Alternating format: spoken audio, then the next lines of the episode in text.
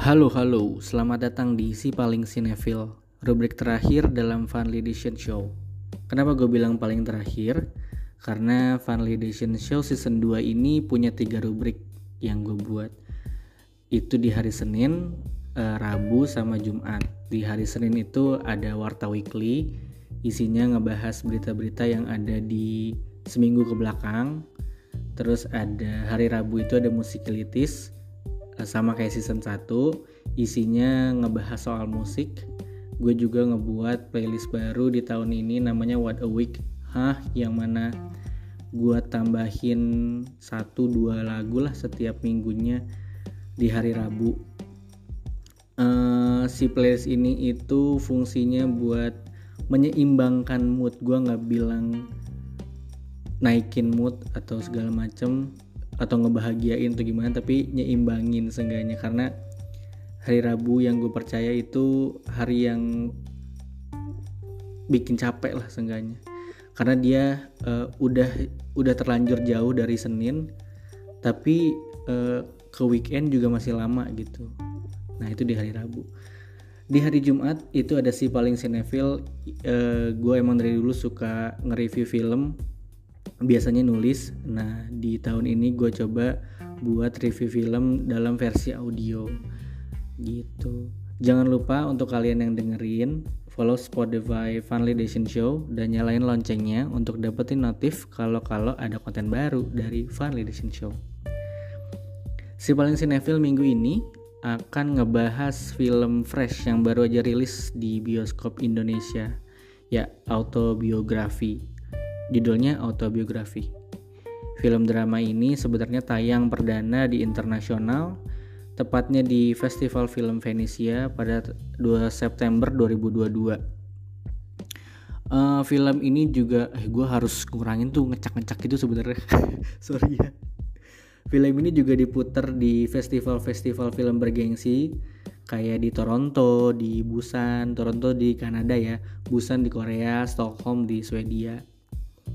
Terus uh, film ini juga disutradarai oleh Makbul Mubarok. Ini merupakan film panjang perdananya dan diperankan oleh Kevin Ardilova sebagai Rokib. Rokib as a malaikat, Rokib Atit, Rokib. Uh, Arswen Bening Suara sebagai Pak Jenderal. Uh, Yusuf Mahardika, si Madun. Kalau misalnya lo yang nggak tahu Yusuf Mahardika itu dia yang meranin si Madun di tendangan si Madun temannya si NT si kiper jagoannya Messi.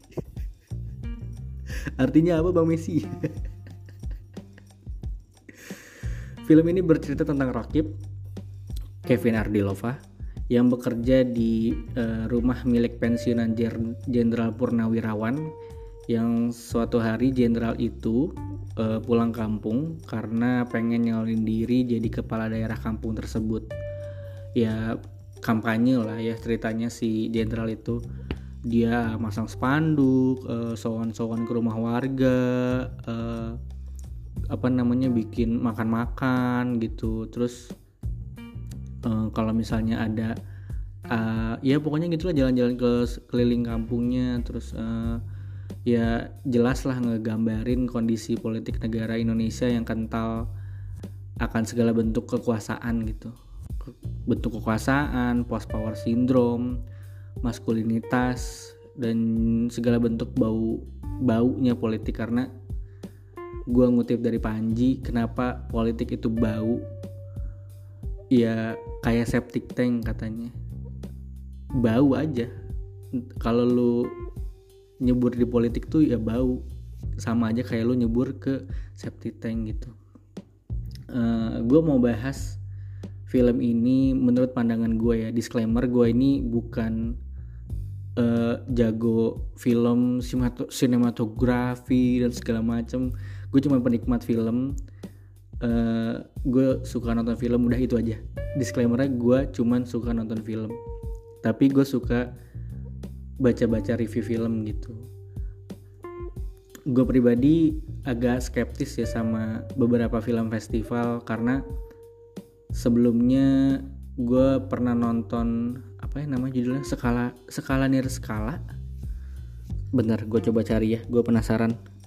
Skala nir skala gitu ya?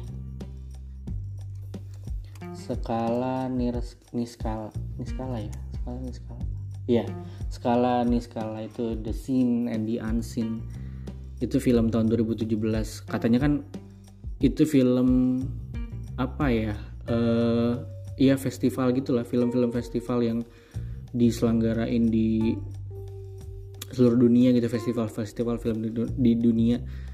Tapi gue kurang suka makanya gue rada skeptis karena suka kemakan sama omongan review beberapa akun reviewer film yang gue suka baca gitu kan. Ini bagus film Indonesia. Iya memang mungkin menurut kacamata mereka bagus tapi gue nggak suka. Mungkin bukan selera gitu karena selera nggak bisa di nggak bisa dipaksain kan.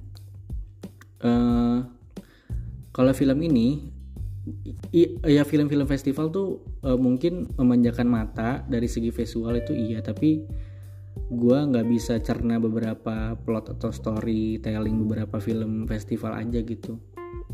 Nah si autobiografi ini pengecualian. Gelap karena banyak yang bilang maksudnya banyak review-review film lain bilang kalau film ini tuh gelap as in story atau plot uh, iya. Tapi nggak hanya dari uh, sisi cerita gelap juga ini dari sisi visual menurut gue dan color gradingnya gitu. Jadi entah itu uh, di kampungnya atau di rumahnya Pak Jenderal gitu.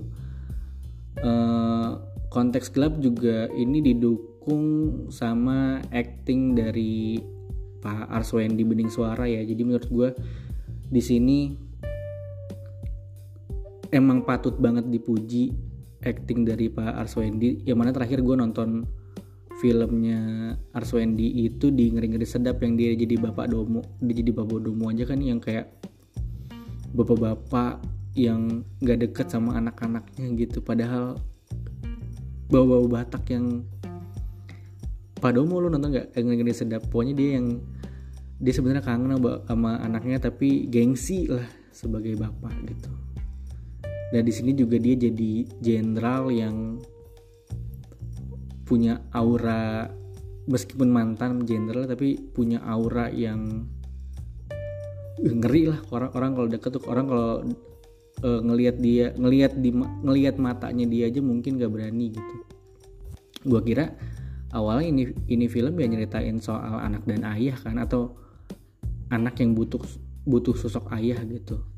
Gue masih rada ganjil sih sebenarnya sama beberapa hal di film ini. Kayak kenapa setiap film Indonesia tuh dialognya selalu kaku gitu. Emang gak semua uh, dialog di film ini itu kaku. Karena kalau pas ngedengerin si Pak Jenderal ngomong itu suaranya uh, apa ya kayak segen gitu. Gue sih ngebayanginnya kayak kayak kakek gitu kayak opung. Gue gue punya opung juga uh, tentara.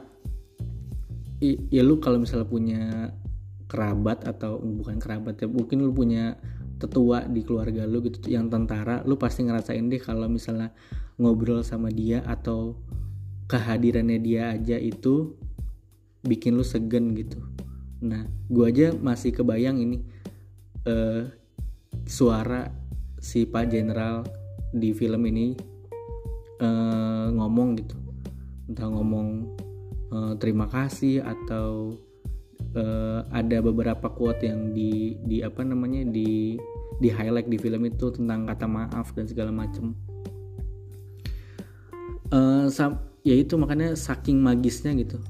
Seorang yang punya kuasa tuh bisa mempengaruhi uh, orang banyak gitu. Gue yakin orang Indonesia mana pun akan sangat relate dengan film ini karena kalau misalnya orang yang gak tinggal di kota gitu ya uh, tentang kehidupan tentara terus uh, milih kepala desa gitu-gitu. Terus uh, karena menurut sutradaranya sendiri film ini tuh emang uh, apa namanya membawa pesan politik gitu. Dia dia pengen ngebawa pesan politik yang ada di Indonesia karena latarnya sendiri kan di 2007 di mana baunya si politik itu ngerebak ke seluruh penjuru negeri. Ya kalau gue sih nyebutnya Ahok efek ya waktu itu yang Ahok keselip lidahnya. Itu 2017 deh kalau nggak salah. Gak bosen juga gue nguji plot dan storytelling uh, Makbul Mubarak ya. Ini film perdana panjangnya. Jadi semua pesan yang gue rasa dia mau sampein tuh rapih masuk ke otak kita gitu. Apalagi ditambah scoring audio dalam satu scene yang menurut gue hikmat sih. Menurut gue itu scene yang nunjukin kalau uh, power dalam satu manusia tuh segalanya gitu itu sih review dari gue gue mau coba bacain uh, review salah satu akun yang gue percaya itu kredibel dalam mereview sebuah film ya. Ini Watchmen ID biasanya patokan gue untuk nonton film itu ada dua akun. Uh, pertama si Watchmen kedua itu ada Mas Hafi Lova namanya kalau misalnya di Twitter ada Hafi Lova dia suka ngasih rating maksimal 5 sih. Kayaknya eh, nggak tahu ya film ini berapa ya? Eh sorry nggak tahu ya film ini dia kasih berapa rating kayaknya tiga setengah atau empat ini gue kutip dari akun Watchmen ya di Twitter Salah satu kekuatan film ini adalah penulisannya yang yang sangat presisi. Nah, kan bener kan? Bagus banget emang penulisannya mengagumkan bagaimana bisa Makmul menampilkan pertarungan quote on quote antara Jenderal Purna dan Rakib yang seru hanya melalui gestur dan dialog yang kuat. Pertarungan yang tak ubahnya sebuah permainan catur.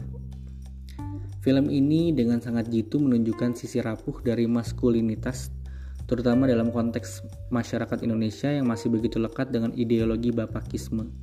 Bahkan, Hal tersebut bisa sangat terasa kuat tersampaikan melalui hal kecil macam kopi dan teh.